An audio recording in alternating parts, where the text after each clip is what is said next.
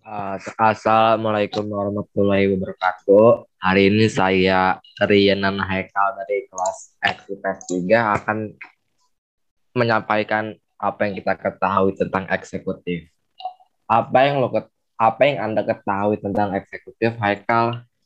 Menurut Uh, saya sih eksekutif adalah salah satu cabang pemerintahan yang memiliki kekuasaan dan bertanggung jawab untuk menerapkan hukum.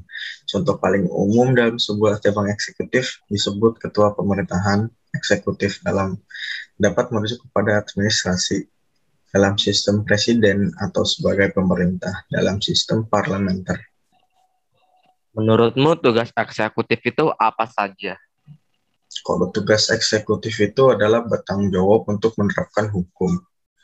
Kalau daripada pandanganmu, siapa saja yang memegang jabatan eksekutif? Kalau menurut pandanganku sih, tentu saja presiden, wakil presiden, kementerian negara, pejabat setingkat menteri, dan lembaga pemerintah non-kementerian. Oh, Oke. Okay. Kalau lembaga eksekutif? Kalau lembaga eksekutif itu terdiri dari presiden dan wakil presiden dan beserta dengan menteri-menterinya yang turut membantunya dalam menjalankan tugasnya di sebuah negara. Presiden merupakan lembaga negara yang memiliki kekuasaan eksekutif, yaitu kekuasaan yang menjalankan roda pemerintahan. Oh, jadi gitu ya? Oke. Okay. Iya, Cal, benar sekali. Oke, pembahasan selanjutnya apa? Itu saja sih dari podcast kita berdua.